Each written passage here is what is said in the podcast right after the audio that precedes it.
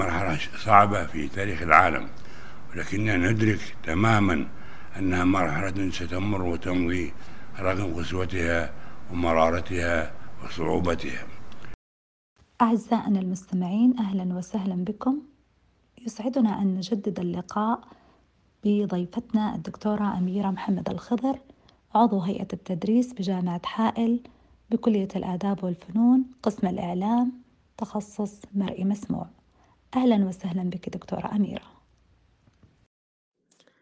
أهلا وسهلا مرحبا الدكتورة أمل التميمي.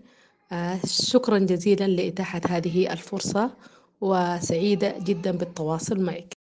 دكتورة أميرة في ظل الظروف التي تمر بها المملكة للحد من انتشار فيروس كورونا وجهت جميع فئات المجتمع بالجلوس في منازلهم أي بمعنى المرابطة. المرابطة التي تدل على المشاركة.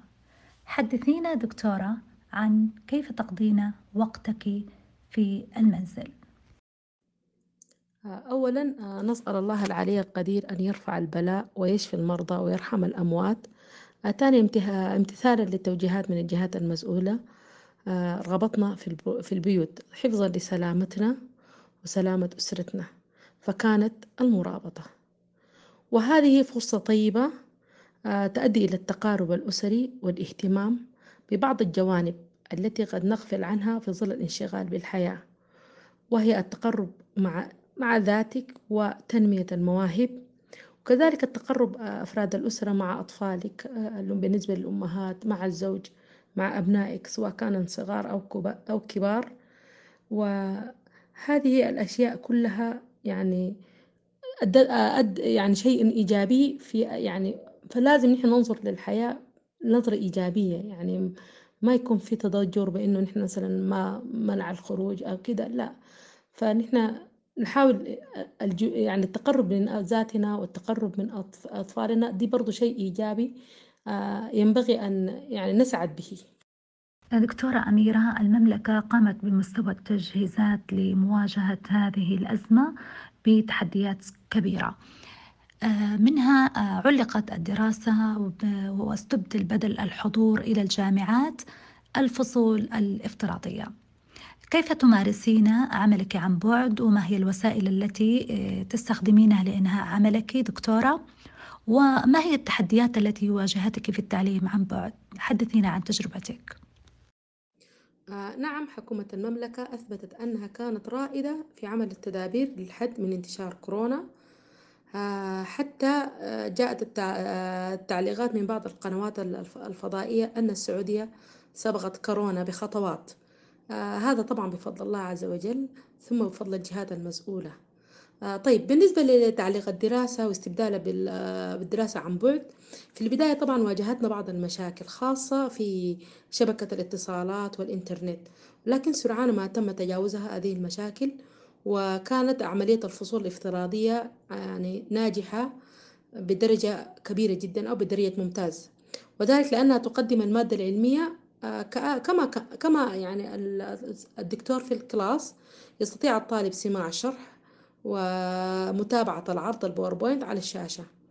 هناك طبعا بعض التحديات. أحيانا طبعا انقطاع الإنترنت أو عدم ما أحيانا يكون في ضغط على الشبكة تعليق من على ال Blackboard.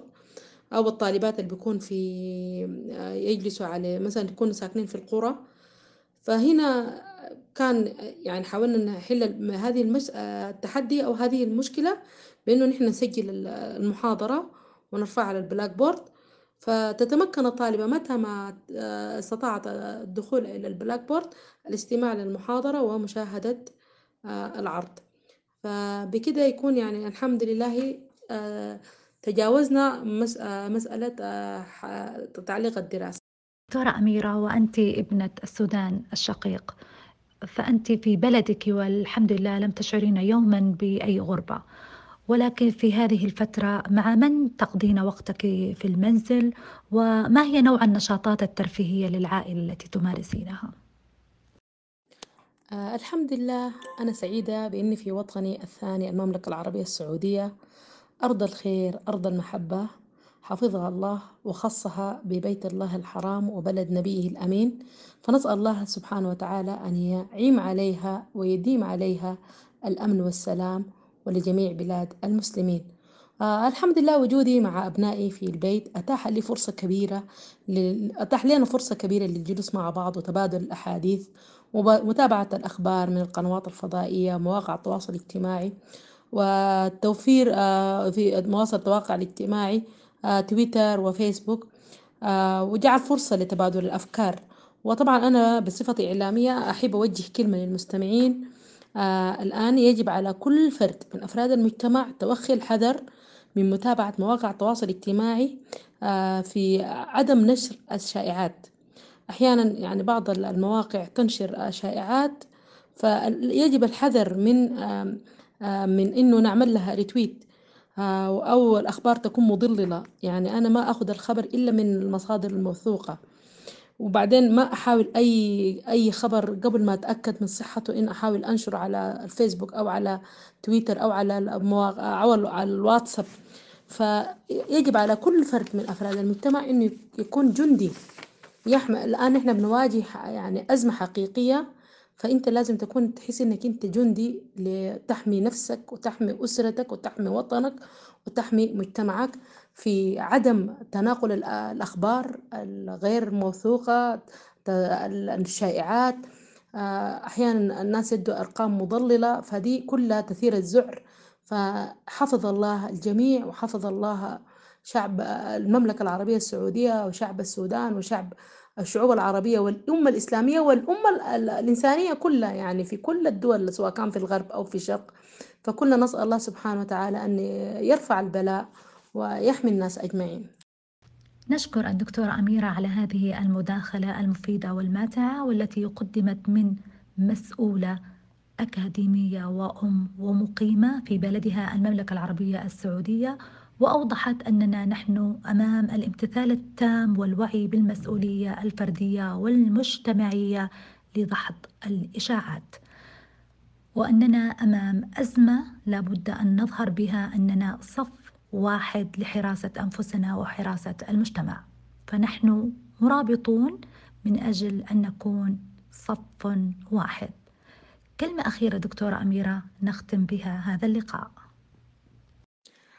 أشكرك جزيل الشكر عزيزتي دكتورة أمل التميمي على هذه الفرصة الطيبة وعلى طرح هذا الموضوع المهم الذي ليست مسؤوليته على الدولة فقط إنما هو واجب تكاملي على كل فرد يعيش في هذا الوطن العزيز الغالي.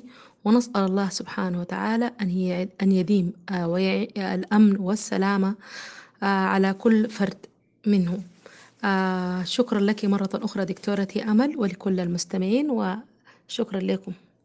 في ختام هذا اللقاء ما أجمل أن نشارك إخواننا المرابطين في البيوت مشاعرهم وأيضا نتمنى أن يكون شملهم بركات الرباط من تألف القلوب وتشارك الأسر بالأنشطة المحببة. دفع الله عنا وعنكم كل سوء وعلى اللقاء نستودعكم بالله خيرا.